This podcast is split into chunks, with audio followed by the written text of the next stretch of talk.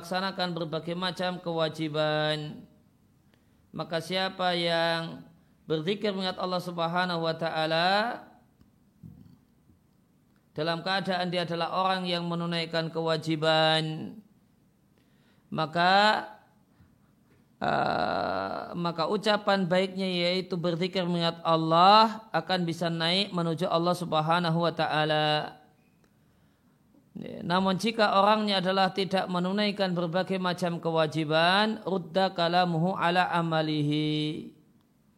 Maka perkataannya dikembalikan kepada perbuatannya. Artinya tidak diterima oleh Allah Subhanahu wa taala. Maka yang dimaksud dengan kalimat tayyib adalah ucapan zikir. Dan sebaik-baik ucapan zikir adalah kalimat tauhid. Maka ucapan zikir dan kalimat tauhid itu kata Ibnu Abbas akan naik menuju Allah Subhanahu wa taala diterima oleh Allah Subhanahu wa taala syaratnya ada amal saleh yang mengangkatnya. Dan yang dimaksud dengan amal saleh adalah ada ufaraidihi melaksanakan berbagai macam eh, kewajiban Allah Subhanahu wa taala. Oleh karena itu Al-Qurtubi ketika menjelaskan ayat ini mengutip perkataan Ibnul Arabi Ibnul Arabi mengatakan Inna kalamal mar'i bidzikrillahi Sesungguhnya ucapan lisan seorang yang menyebut nama Allah Subhanahu wa taala jika tidak bergandeng dengan amal saleh maka itu tidak manfaat karena jika ucapan itu menyelisihi perbuatan, maka itu bencana bagi orang yang mengucapkannya.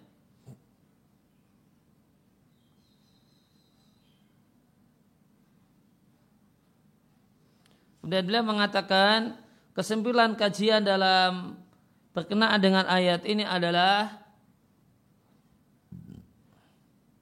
bahasanya amal itu jika posisinya adalah syarat diterimanya ucapan atau berkenaan erat dengan ucapan.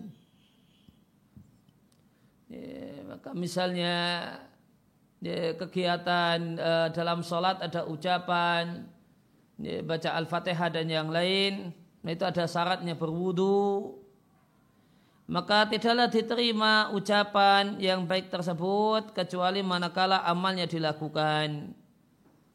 Namun wa ilam yakun syartan fihi namun jika amalnya tersebut statusnya bukan syarat sahnya ini, ucapan maka kesimpulan dari Ibnu Arabi perkataan yang baik itu tercatat dan perkataan dan perbuatan yang jelek juga tercatat.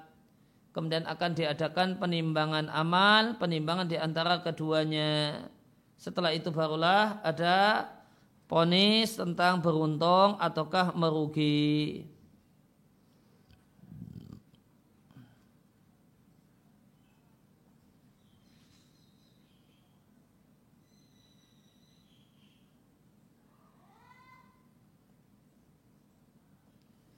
Ya maka berdasarkan berdasarkan penjelasan Ibnu Abbas dan yang lain Ya, maka wal amalu salihu yarfa'uhu itu maknanya amal soleh lah yang mendorong naik ucapan-ucapan yang baik.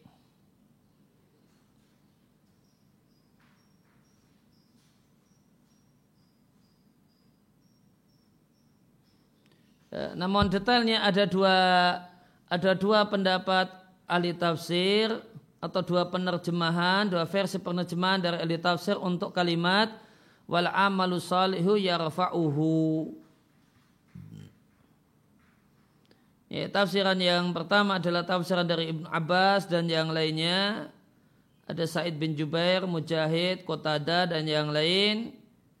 Ya, bahasanya yarfa'uhu ya, fa'il dari yarfa'u itu kembali ke amal saleh kemudian hunya adalah al kalimut tayyib ini, tafsiran yang pertama.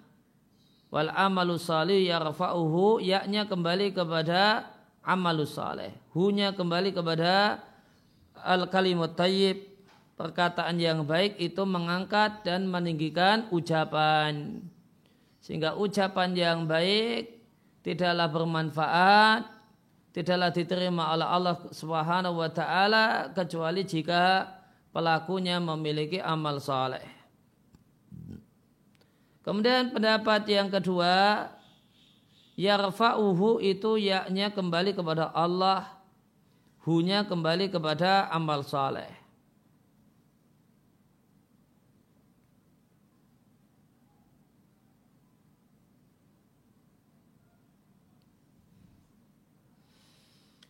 Sehingga makna ayat wakila ta'udu ala Allahi azza wa jalla dan ada yang berpendapat bahasanya domir yarfa'uhu itu kembali yarfa'u itu kembali kepada Allah.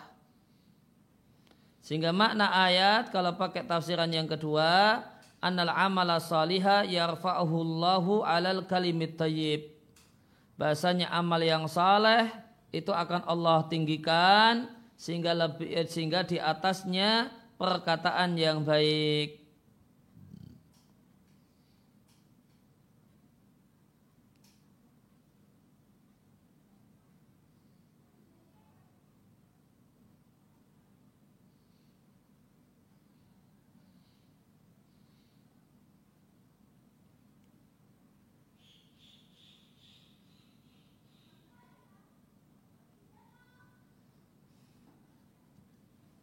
Nah itu seputar uh, namun dari dua tafsiran ini sebagaimana kata An-Nuhas al-qaulul awwalu aulaha wa asahuha li uluwi man qala bihi wa annahu fil arabiyyati aula li anna al-qura'a ala raf'il amali. Ya, dari dua versi penerjemahan ini pendapat yang pertama kata An-Nuhas adalah yang lebih utama dan lebih sahih ya, karena tingginya derajat orang yang berpendapat dengannya itu Ibnu Abbas dan yang lainnya dan itulah yang lebih bagus dari sisi bahasa Arab. Ditambah karena e, semua ahli kiroah membaca e, ala raf'il amali al amalnya dibaca dengan domah dengan marfu wal amalu salihu. Ini bukan wal amala saliha yarfa'uhu Nah, itu ya tambahan penjelasan yang pertama. Kemudian tambahan penjelasan yang kedua ya, berkenaan dengan hadis-hadis yang empat hadis yang disampaikan oleh penulis matan ya, yaitu Sa'ad Abdul Aziz Ibn Bazin rahimallahu taala maka kalau kita lihat uh, bentuk kalimatnya terdapat perbedaan.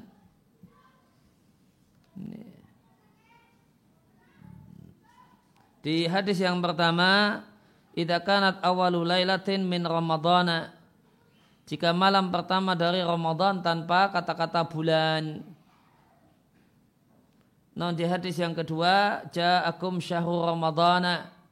Datang kepada kalian bulan Ramadan. Di hadis yang ketiga juga tanpa bulan man soma ramadhana siapa yang berpuasa Ramadan. Sedangkan hadis yang keempat tidak spesifik membahas Ramadan. Maka dari tiga hadis tentang Ramadan, dua hadis itu tanpa kata-kata syahr, tanpa kata-kata bulan, Ya, dan satu hadis itu menggunakan kata-kata syahr yang artinya bulan dan ini se eh, dan ini sama dengan ayat yang mengatakan syahrul Ramadan alladzi unzila fihil Quran. Bulan Ramadan adalah bulan diturunkannya Al-Quran. Maka Eh, bagaimanakah hukum mengucapkan Ramadan tanpa ada kata-kata bulan di depannya? Maka dua hadis yang disampaikan oleh penulis matan menunjukkan bolehnya. Ya, karena Nabi menyebut Ramadan saja tanpa menggunakan kata-kata bulan. Namun berkenaan dengan hal ini ya,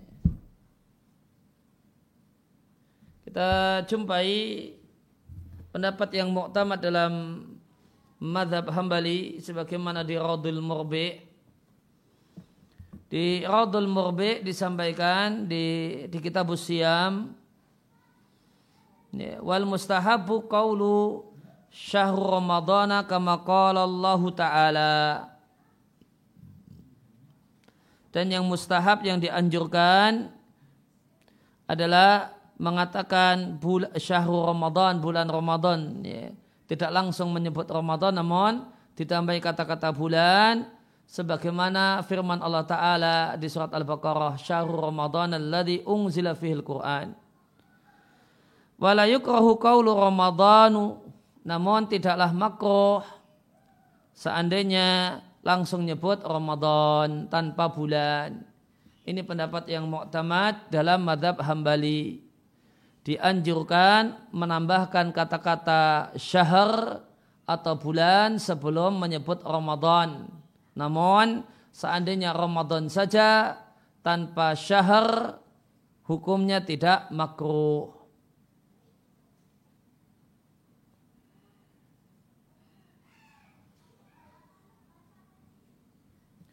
Penjelasan yang uh, kurang lebih itu jika kita jumpai juga di Al-Murni karya Ibnu Qudamah tentang masalah syahar beliau katakan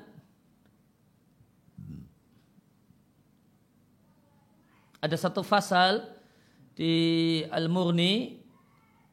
Faslun ruya ani Nabi sallallahu alaihi wasallam diriatkan dari Nabi sallallahu alaihi wasallam Nabi mengatakan idza jaa ramadhanu futihat abu abul jannah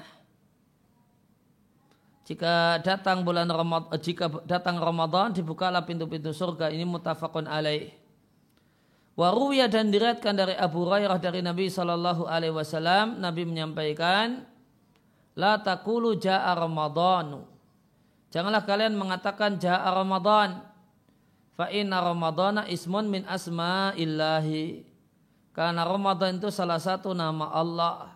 Ini kalau tanpa kata-kata bulan, maka Ramadan itu jadinya nama Allah.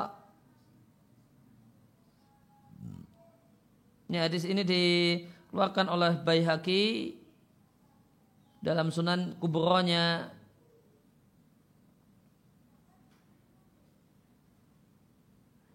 Kemudian kata Ibnu uh, Ibnu Qudamah Al-Hambali fayata'ayyanu hamlu hada maka sebuah keniscayaan memaknai hal ini. Ala annahu la yuqalu dalika sehingga tidaklah boleh mengatakan Ramadan saja ghaira muqtarinin tanpa ditambahkan dengan hal yang menunjukkan kalau yang diinginkan adalah bulan Ramadan. Supaya hadis yang kedua yang melarang Ramadan tanpa kata-kata bulan itu tidak menyelisih hadis-hadis sahih yang menunjukkan boleh menyebut langsung Ramadan tanpa bulan. Wal mustahabu ma'adalika namun yang dianjurkan meskipun demikian meskipun ada hadis-hadis yang menyebutkan Ramadan saja tanpa kata-kata bulan yang dianjurkan adalah mengucapkan syahrul Ramadan bulan Ramadan. Kama qala Allah taala sebagaimana firman Allah taala syahrul Ramadan alladzi unzila fihil Quran.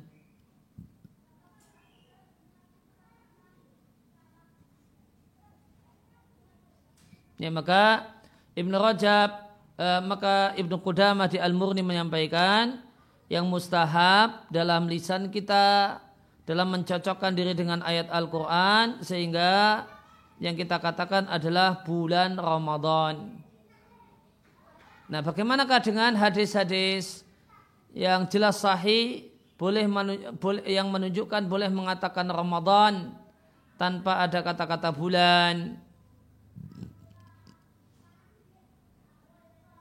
Ditambah kita dudukkan dengan hadis yang melarang Ramadan saja, mengucapkan Ramadan saja tanpa kata-kata bulan.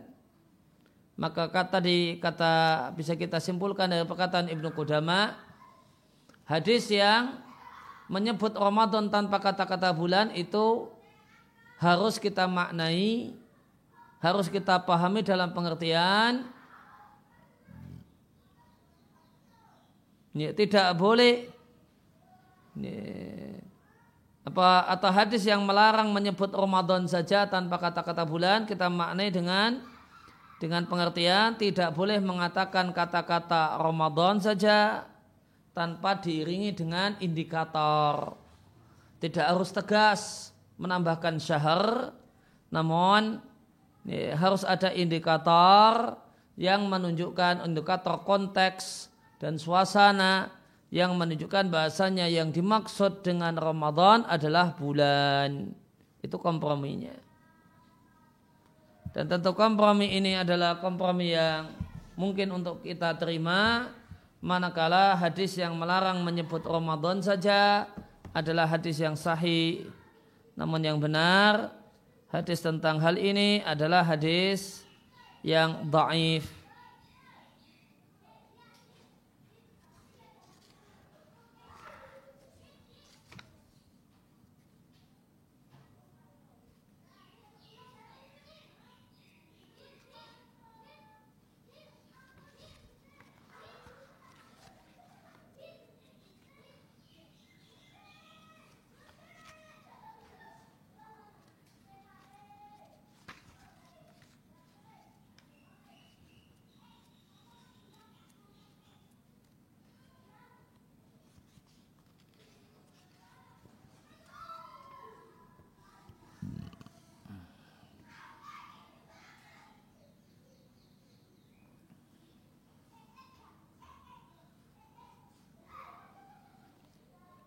daif. 352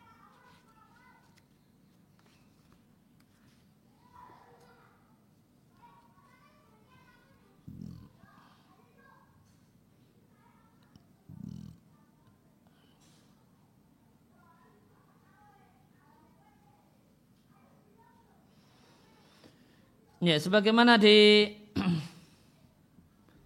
Jelaskan oleh Sahih Al-Hajuri di kitabnya Idhaful Kiram bi ajwabi ahkami zakati wal haji was. Adapun hadis yang melarang tentang hal ini dari Abu Mi'syar Najih As-Sindi dari Sa'id Al-Makburi dari Abu Hurairah. Sehingga Nabi SAW mengatakan janganlah kalian mengucapkan Ramadan karena Ramadan adalah salah satu nama Allah akan tapi katakanlah bulan Ramadan. Fahuwa hadisun Da'ifus sanadi mungkarul matni.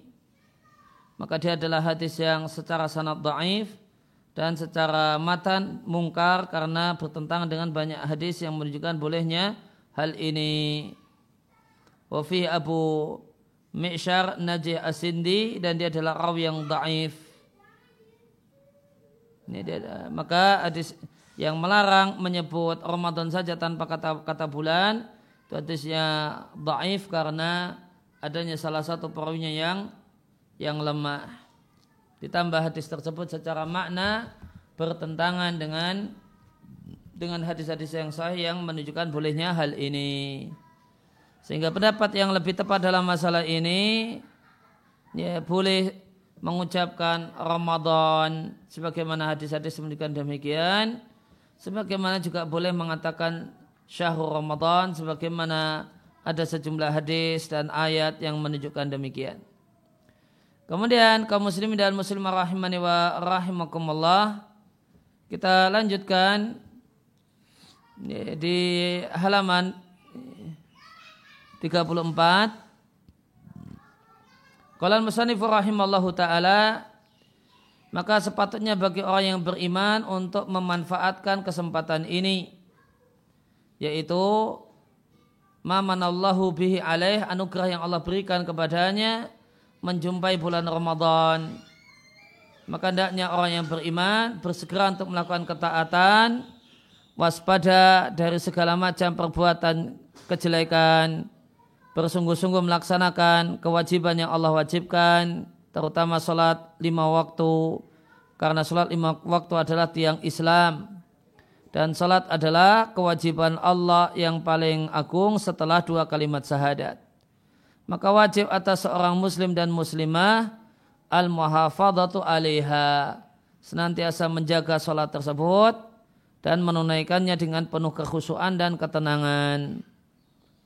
Dan min ahami wajibatiha kewajiban dalam salat yang paling penting bagi laki-laki adalah mengerjakan sholat dengan berjamaah fi buyutillah di rumah-rumah Allah yaitu di masjid yang ada yang Allah izinkan agar masjid itu ditinggikan dalam pengertian dimuliakan dan disebut nama Allah di sana. Sebagaimana firman Allah Azza wa Jalla wa aqimu salata wa atu zakata warka'u ma'arraki'in. Tegakkan salat bayarlah zakat rukuklah bersama orang-orang yang rukuk. Dan firman Allah Ta'ala, hafidhu ala salawati, jagalah semua salat, dan wasolatil wusta, dan jagalah salat, perhatikanlah salat yang pertengahan, wa kumulillahi qanitin, berdirilah karena Allah Subhanahu wa taala dalam keadaan ya, qanitin, tunduk dan patuh. Firman Allah di surat Al-Mu'minun, qad aflahal mu'minun, sungguh beruntung orang yang beriman. Mereka adalah orang-orang yang khusyuk dalam sholat. Sampai firman Allah, Walladinahum ala salawatihim yuhafidhun. Mereka adalah orang yang menjaga sholat. Ulaika humul warithun. Mereka itulah para ahli waris. Mereka lah orang-orang yang mewarisi Firdaus. Hum fiha khalidun. Mereka tinggal lama dan kekal di dalamnya. Dan Nabi SAW menyampaikan, Perjanjian yang membedakan antara kami dengan mereka adalah salat. Siapa yang meninggalkannya maka sungguh dia kafir. Dan kewajiban Islam yang paling penting setelah salat adalah bayar zakat. Sebagaimana firman Allah Azza wa Jalla. Wa ma umiru tidaklah mereka diperintahkan kecuali supaya menyembah Allah. Memurnikan ibadah hanya untuk Allah. Hunafa. Menjadi orang-orang yang condong kepada kepada Islam dan tauhid, menegakkan salat dan membayar zakat. Wadzalika dinul qayyimah, itulah agama yang lurus. Dan firman Allah Ta'ala, wa aqimu salata, tegakkan salat dan bayarlah zakat, ta'ala kepada sang Rasul, la'alakum turhamun, supaya kalian disayangi.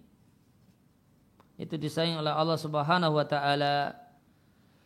Maka kitabullah al-azim, Al-Quran yang mulia dan sunnah Rasulnya yang mulia menunjukkan ala anna malam yu'addi zakat malihi bahasanya orang tidak membayar zakat harta akan diadab dengan hartanya nanti pada hari kiamat. Dan perkara yang paling penting setelah salat dan zakat adalah puasa Ramadan. Dan puasa Ramadan adalah salah satu rukun Islam yang lima yang disebutkan dalam sabda Nabi Sallallahu Alaihi Wasallam Islam dibangun di atas lima hal. Syahadat la ilaha illallah Muhammad Rasulullah. Menegakkan salat, membayar zakat, puasa Ramadan dan berhaji ke rumah Allah. Maka wajib atas seorang muslim untuk menjaga puasanya dan salatnya dari hal-hal yang Allah haramkan berupa uh, berbagai macam ucapan dan perbuatan. Karena maksud dari puasa adalah taat kepada Allah subhanahu dan mengagungkan hal-hal yang mulia ya, uh, di sisi Allah dan berjihad melawan diri sendiri untuk menyelisih hawa nafsu dalam ta dalam rangka taat kepada Allah membiasakan diri untuk bersabar meninggalkan apa yang Allah haramkan dan bukalah maksud dan inti puasa semata-mata meninggalkan makanan dan minuman dan berbagai macam pembatal yang lain. Oleh karena itu sahih dari Nabi Shallallahu Alaihi Wasallam beliau bersabda, puasa itu tameng. Maka hari jika hari puasa salah satu kalian maka jangan omong kotor jangan teriak. Jika ada seseorang yang mencacinya atau ngejak ribut dengannya maka katakanlah aku adalah orang yang sedang berpuasa. Dan sahih dari Nabi Shallallahu Alaihi Wasallam Nabi katakan siapa yang tidak meninggalkan perkataan yang haram dan perbuatan yang haram dan ucapan dan perbuatan yang menunjukkan kebodohan maka Allah tidaklah membutuhkan amal soleh puasanya yang semata-mata tidak makan dan tidak minum. Maka diketahui dari nas-nas ini dan yang lainnya bahasanya kewajiban orang yang berpuasa adalah mewaspadai semua yang Allah haramkan dan menjaga semua yang Allah wajibkan dan dengan hal ini maka diharapkan baginya mendapatkan ampunan serta merdeka dari neraka kemudian diterimanya puasa dan sholatnya.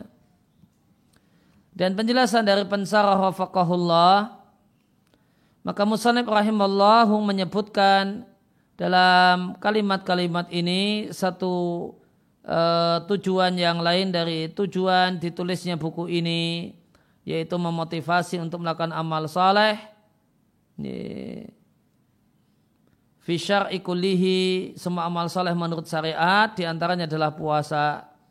Sambil beliau sebutkan di samping itu beliau sebutkan sholat dan zakat.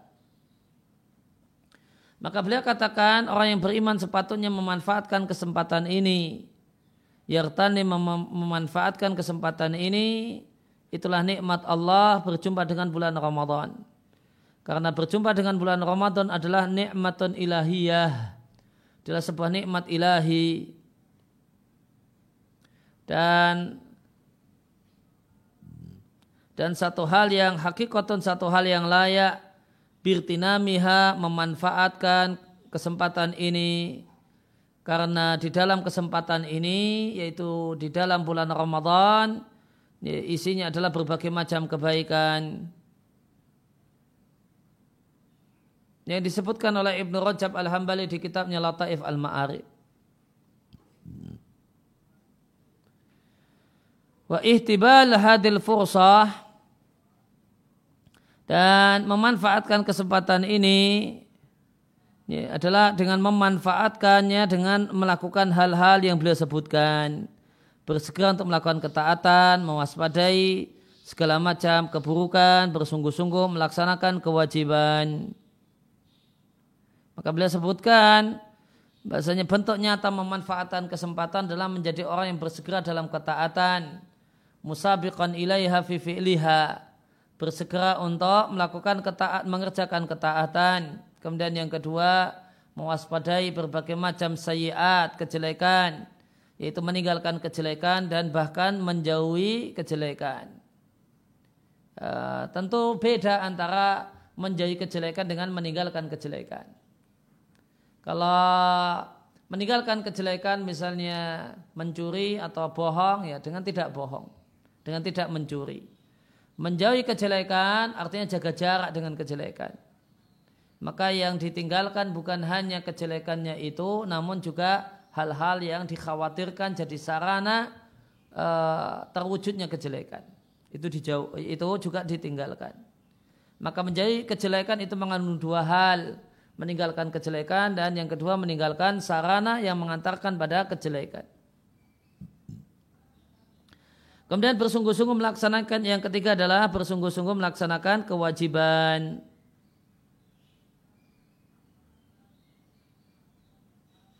Di anahu karena hal-hal yang wajib itulah yang didahulukan ya, minat tolab ya, dari tuntutan fidimati dalam tanggungannya dalam Sahih Bukhari dalam hadis ilahi disebutkan Tidaklah hamba aku mendekatkan diri kepadaku dengan sesuatu yang lebih aku sukai dari dibandingkan nah, amal yang kewajibkan padanya.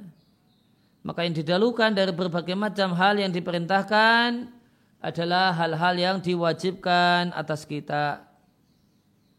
Kemudian beliau menyebutkan di antara kewajiban yang Allah wajibkan atas diri kita, beliau katakan terutama sholat lima waktu. Karena sholat lima waktu adalah tiang Islam Artinya hiya fihi salat itu fihi dalam Islam seperti posisi tiang yang menjadi tumpuan tingginya bangunan rumah.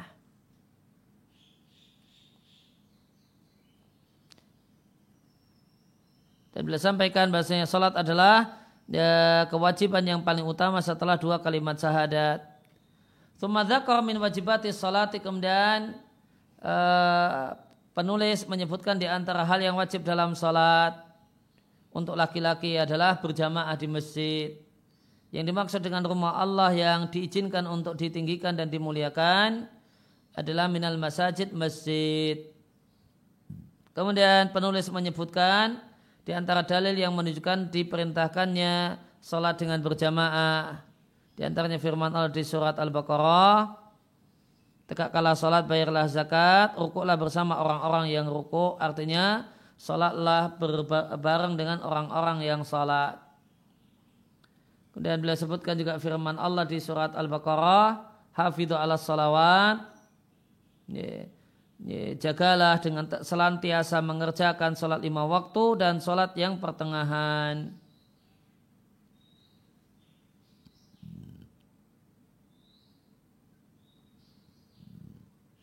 Wa kumulillahi qanitin dan berdirilah karena Allah dalam keadaan tunduk dan patuh.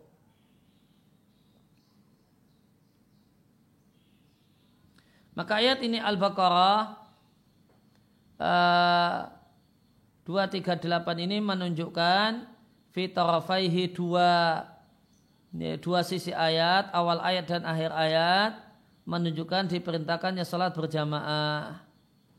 Karena orang yang uh, orang yang mengerjakan salat dengan berjamaah itulah orang yang betul-betul menjaga salat.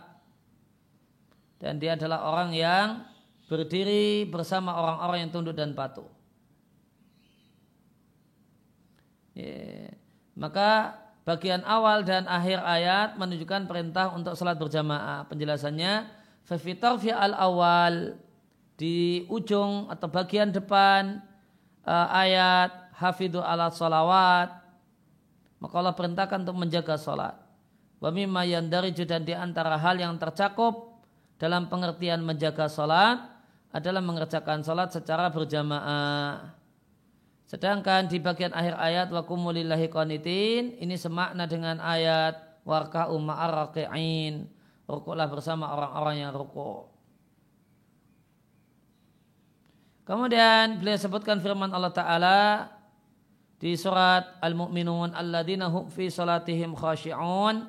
Mereka adalah orang-orang yang khusyuk dalam salatnya.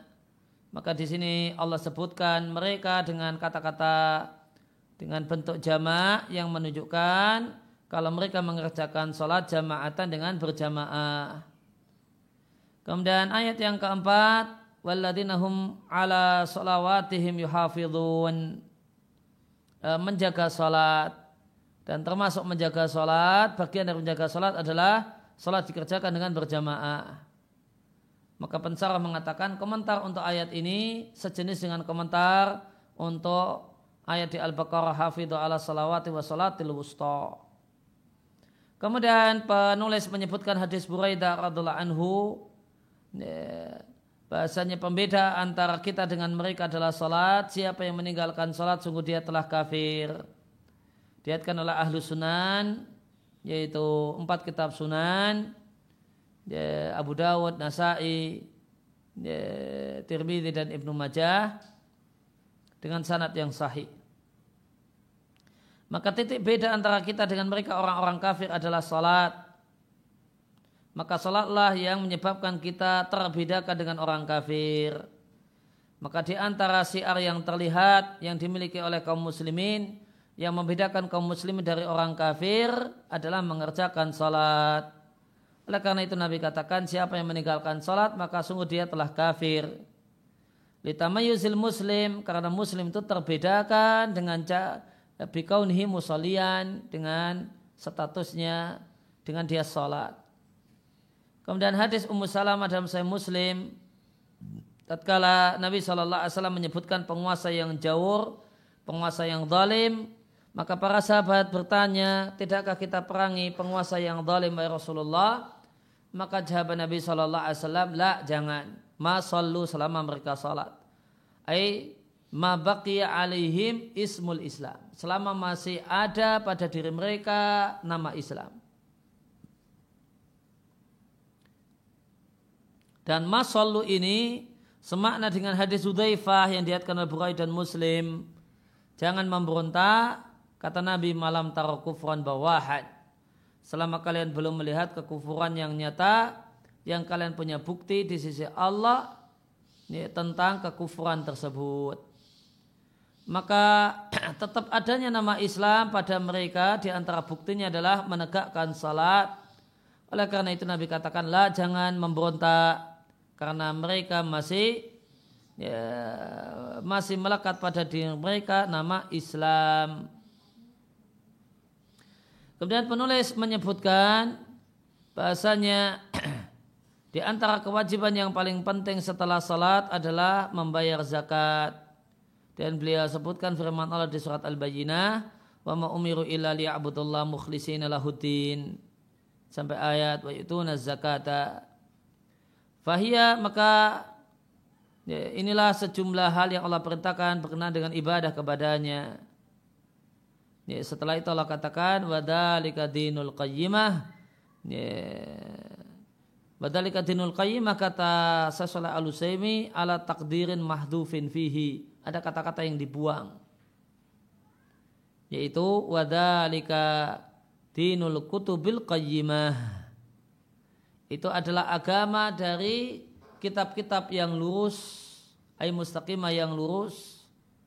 Dari mana bisa disimpulkan seperti ini? Kama yadul alaihi sadru surati sebagaimana yang ditunjukkan oleh awal surat itu surat Al-Bayyinah. Kemudian Allah katakan wa aqimu salata wa atu zakata. Ya, di sini disebutkan perintah untuk bayar zakat wa ulila dan diberikan alasan. Alasannya adalah la'alakum turhamun supaya kalian disayangi oleh Allah. Asa ayakuna dalika artinya semoga Eh, membayar bayar zakat itu menjadi sebab lirahmatikum kalian disayang oleh Allah Subhanahu wa taala.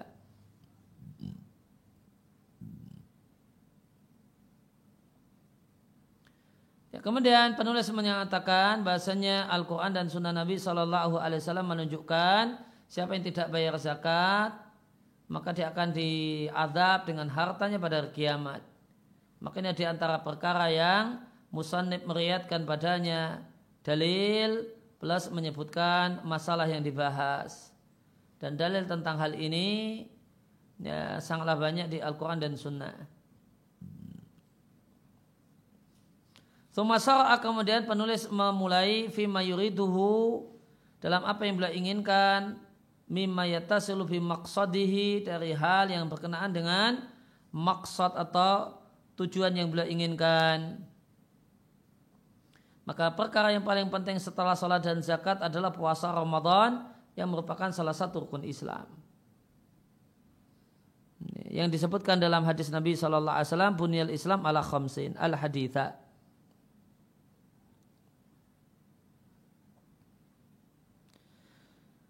Dan Nabi Shallallahu Alaihi Wasallam menyebutkan uh, dan Nabi Shallallahu Alaihi Wasallam menyebutkan di hadis ini puasa Ramadan, wasamu Ramadan. Dan hadis yang dimaksudkan adalah hadis yang mutafakun alaih Diatkan Bukhari dan Muslim dari Ibnu Umar radhiallahu anhu. Dan riwayat untuk riwayat-riwayat untuk hadis ini itu tidak kompak, tidak seragam. Berkenaan dengan masalah siam atau puasa itu ini, disebutkan sebelum haji ataukah setelah haji. Wal mahfud kesimpulannya yang benar untuk hadis puasa itu muqaddam disebutkan lebih dulu daripada haji sebagaimana ditegaskan oleh perawinya sendiri Ibnu Umar dalam riwayat Muslim.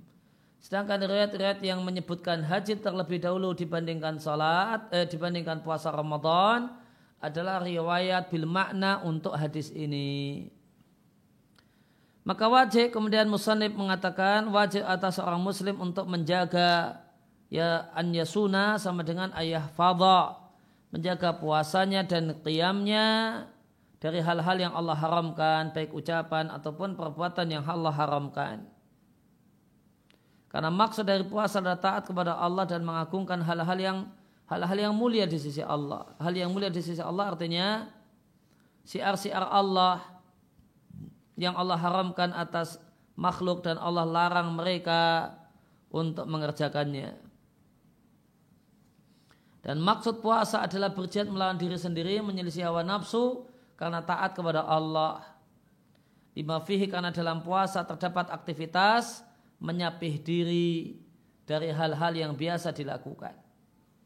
Demikian juga ta'widuha asabra membiasakan diri untuk bersabar meninggalkan apa yang Allah haramkan yaitu membawa diri memaksa diri ala alama yahbisu untuk menahan keinginan diri.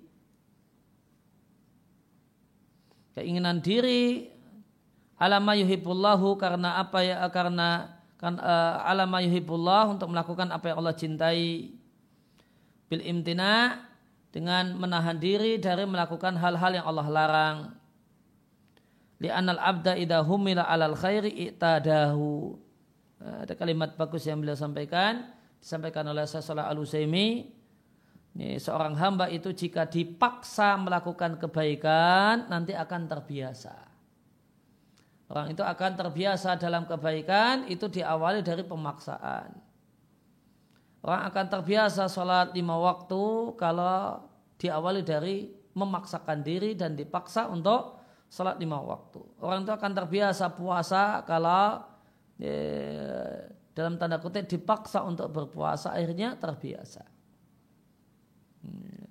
Bagi kemudian laki-laki uh, orang akan terbiasa sholat jamaah di masjid diawali dari dipaksakan untuk sholat jamaah di masjid.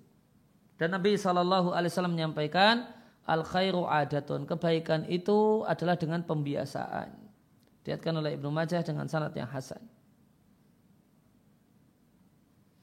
Wa mimma qila fi ma'nahu dan di antara penjelasan tentang makna hadis ini al khairu adatun kebaikan itu adalah kebiasaan annal abda bahasanya seorang hamba jika melakukan kebaikan lapanglah jiwanya untuk menerima kebaikan wa qawiyat alaihi dan kuat untuk melakukan kebaikan fasara muhafidhan alaihi Jadilah dia orang yang menjaga kebaikan dan senantiasa melakukan kebaikan. Bimanzilatil adati minhu. Dan jadilah kebaikan itu seakan-akan adalah sesuatu kebiasaannya.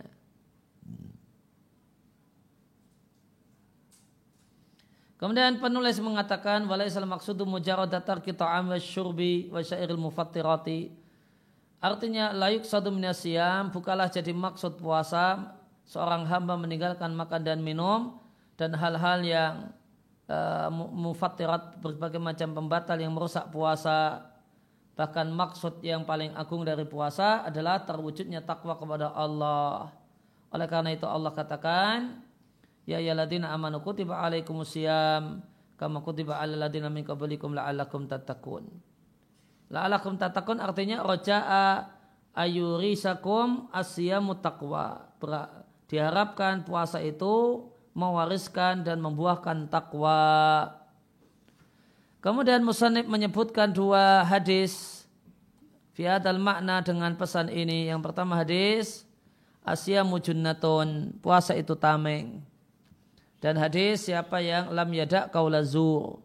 Dua-duanya adalah hadis yang mutafakun alaih diatkan oleh Al-Bukhari dan Muslim.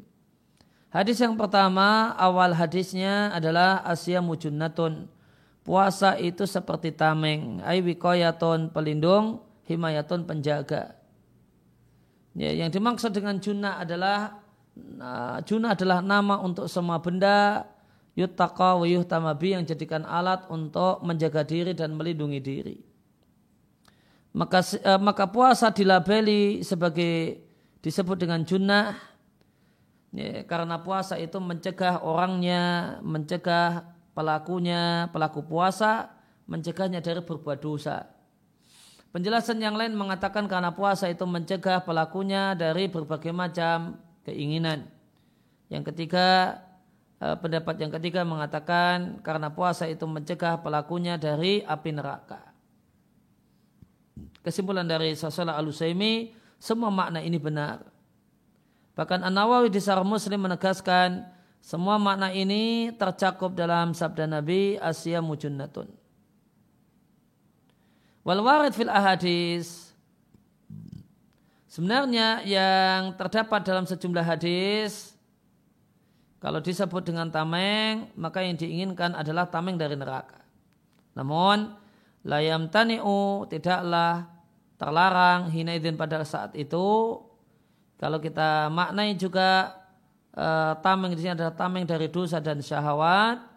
karena dosa dan sawat adalah sarana menuju neraka.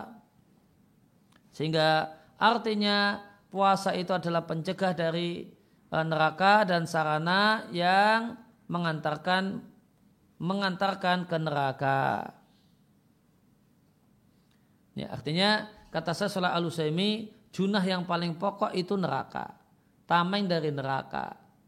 Setelah itu tameng dari hal-hal namun tidak masalah dimasukkan ke dalam makna hadis hal-hal yang memang mengantarkan kepada neraka yaitu dosa dan berbagai macam sahwat dan keinginan. Kemudian Nabi Shallallahu Alaihi Wasallam menyampaikan jika hari puasa maka janganlah kalian rofath, jangan pula yaskhab teriak-teriak. Rofath adalah fahisul kauli, perkataan yang sangat jelek. Boleh jadi perkataan yang sangat jelek ini mencakup perkataan yang porno, sonok, e, berhubungan dengan kemaluan dan yang lain. Kemudian juga ke, uh, per, perkataan yang terlalu jelek, cacian yang terlalu kebangetan itu rofath. Kemudian sakhaf yang tadi saya terjemahkan dengan teriak-teriak maksudnya al-khisam bil kalam perang mulut. Ya, dan kalau orang itu perang mulut pasti teriak-teriak. Tidak ada perang mulut kemudian cuma diem-dieman. Ya, perang mulut itu pasti teriak-teriak. Maka seorang hamba terlarang untuk mengucapkan perkataan yang sangat jelek dan pertengkaran ya, dan uh, pertengkaran ya, adu keras-kerasan suara ya, saat berstatus sebagai orang yang puasa. Jika ada salah satu orang yang mencacinya atau ngajak ribut dengannya, katakan aku sedang puasa. Eh, Wawako afis sahih terdapat dalam hadis yang sahih bahasanya ityanuhu bihi orang yang berpuasa itu mengucapkan kata-kata ini saya berpuasa dengan diulang. Sungguh aku puasa, sungguh aku puasa. Sehingga al-masru' yang dituntunkan bagi seorang hamba ketika dia dicaci atau kemudian diajak ribut oleh seseorang adalah mengumumkan kalau dia berpuasa dengan mengatakan saya berpuasa diulang dua kali.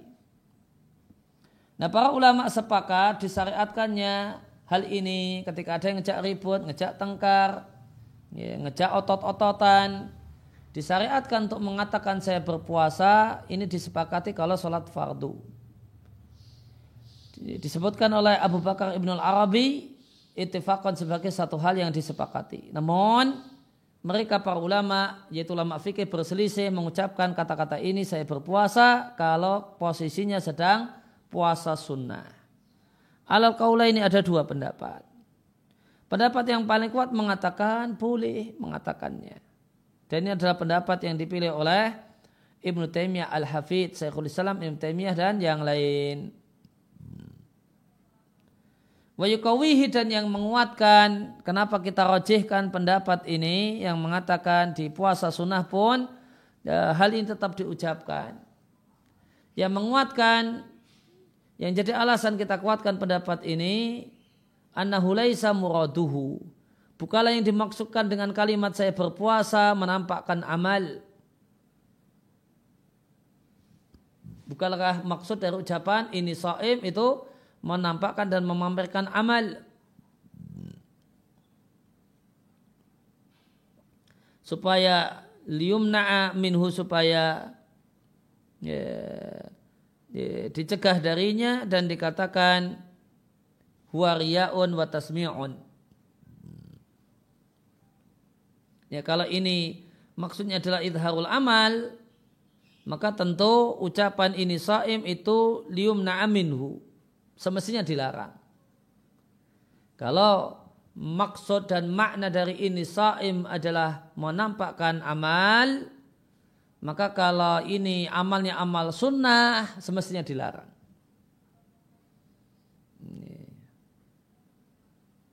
Karena amal sunnah itulah yang jadi sasaran untuk penyembunyian amal. Maka semestinya ucapan ini soal itu dilarang karena komentar ini adalah ria, ingin dilihat, watasmi dan ingin didengar. Nah, bukan ini yang jadi maksud ini saim. Li'anal maksuda min kauli karena maksud dari ucapan ini saim aku orang yang berpuasa adalah mencegah diri untuk tidak larut dalam pertengkaran. Wahadu dan memotivasi orang yang dia hadapi untuk meninggalkan pertengkaran. Nah hal ini, ini tidak larut dalam pertengkaran dan sudahlah berhenti di sini saja. Itu satu hal yang pesan semacam ini, tujuan semacam ini dituntut dilakukan oleh orang yang berpuasa, baik dia puasa fardu ataupun puasa sunnah. Nah, maka berdasarkan paragraf ini, maka yang rajih ucapan ini saim itu berlaku untuk ya, puasa fardu dan puasa sunnah. Namun perlu diperhatikan tidaklah terdapat dalam satu pun redaksi hadis ada tambahan Allahumma. Sehingga tidaklah dituntut uh, tidaklah disyariatkan ucapan Allahumma ini saim. Sehingga semestinya seorang itu mencukupkan diri dengan ucapan ini saim, ini saim. Waruya dan diriatkan oleh Ibnu Huzaimah dan yang lainnya terdapat tambahan jika dia dalam posisi berdiri, diajak tengkar dan dia posisi uh, posisi sedang puasa, jelis hendaklah dia duduk. Namun tambahan ini tambahan ini dinilai sebagai tambahan yang taif. Maka hal yang diperintahkan ketika terjadi sabin, cacian atau pertengkaran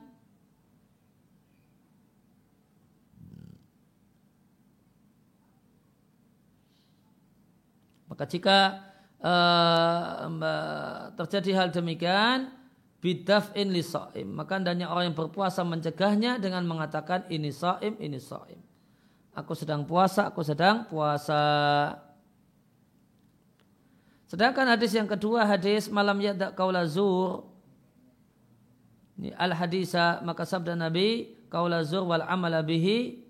Yang dimaksud dengan zur adalah kaula al batil wal amala bihi perkataan dan perbuatan yang batil.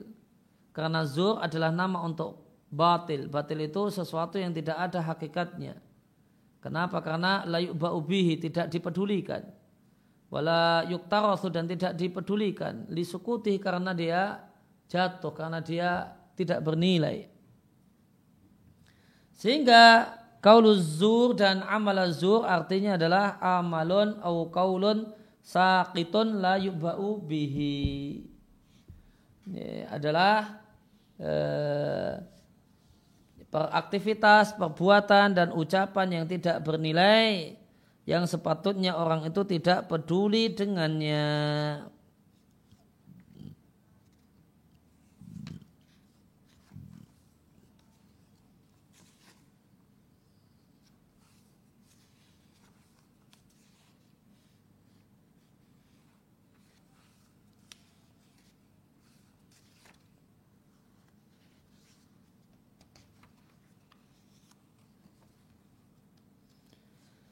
Kemudian sabda Nabi uh, wal jahla dan tindakan kebodohan maka ini mencakup dua hal. Yang pertama perbuatan jelek, ya, yang namanya kebodohan itu mencakup dua hal. Yang pertama adalah melakukan kejelekan, kemudian yang kedua adalah meninggalkan ketaatan. Maka dua-duanya adalah kebodohan. Fayajhalu al-abdu maka seorang itu bodoh terkadang dalam bentuk tidak taat kepada Allah tidak mentaati Allah dalam hal yang Allah wajibkan. Dan ini adalah maksiat. Dan bentuk kebodohan yang kedua terkadang dengan melakukan kejelekan dan ini juga maksiat. Ya, maka sebagaimana perkataan Abu Ali Ariyahi kuluman asallaha fawa jahil. Semua orang yang durhaka bermaksiat kepada Allah maka dia adalah orang yang bodoh. Ibn Taimiyah dan muridnya Ibnul Qayyim menukil adanya ijma' Bahasanya siapa yang durhaka kepada Allah maka dia orang yang bodoh.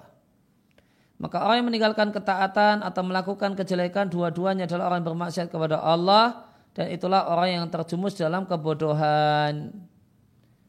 Semakal al-musannifu kemudian musannif menyebutkan maka diketahuilah dari nas-nas ini yaitu dalil-dalil yang telah disebutkan dan yang lainnya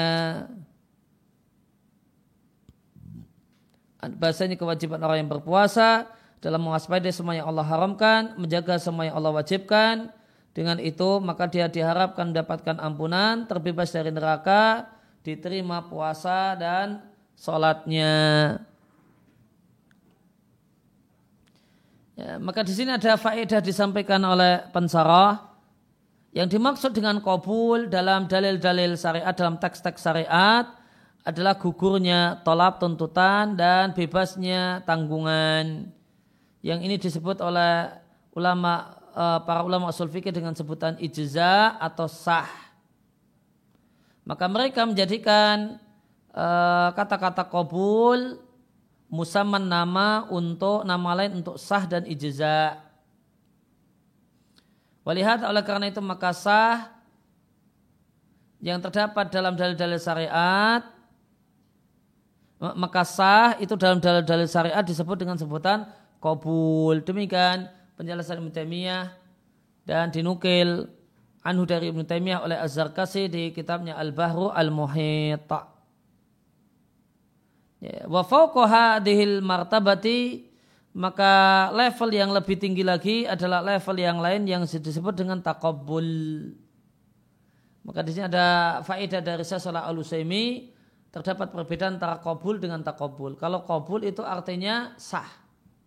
Kalau takobul itu artinya diterima di sisi Allah dan berpahala di sisi Allah. Wahia dan takabul adalah tazidu alal kabul itu lebih dari sekedar diterima karena takabul artinya Allah mencintai pelakunya sehingga sah perbuatan pelaku dan tercatat sebagai pahala Allah mencintainya dan ridha dengannya. Ya, kemudian di halaman 42 ada catatan kaki. Digunakan kata-kata nas dalam pengertian dalil adalah istilah para ulama jadal, ulama ya, yang membahas tentang ilmu debat dan diskusi. Yu'rafu ilmu debat dan diskusi dalam uh, dalam khazanah uh, kaum muslimin, khazanah keilmuan kaum muslimin disebut dengan ilmu bahthi wal munadharah. Ilmu pengkajian dan diskusi. Nah, di sana ada kaidah-kaidah debat, etika dalam debat. Thumma sara kemudian berjalanlah penggunaan kata-kata ini nas dalam pengertian dalil di kalangan tersebar di kalangan para ulama usul fikih dan ahli fikih. Akhirnya mereka ikut-ikutan menggunakan kata-kata nas dalam pengertian dalil. Demikian yang disampaikan oleh Ibn Taimiyah, Syekh Ibn di kitabnya Arat alal Mantiqin. Ya, demikian yang kita baca kesempatan sore hari ini. Wassallallahu ala nabiyina Muhammadin wa ala alihi wa sahbihi wa salam. Wa da'wana alhamdulillahi rabbil alamin. Ada yang mau diajukan? Dua aja. Kalau ada. Iya.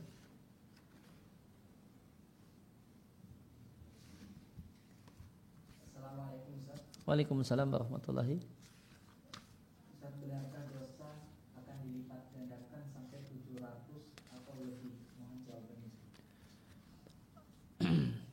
Apakah dosa itu dilipat gandakan? Jawabannya tidak. Lipat ganda itu hanya untuk amal kebajikan.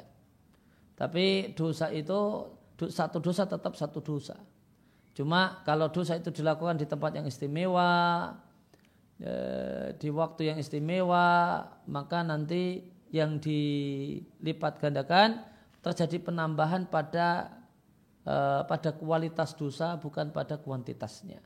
Sehingga dosanya lebih berat. Nah, Waalaikumsalam warahmatullahi Apakah Allah juga tidak menerima puasanya orang yang memendam amarah tanpa memperlihatkannya?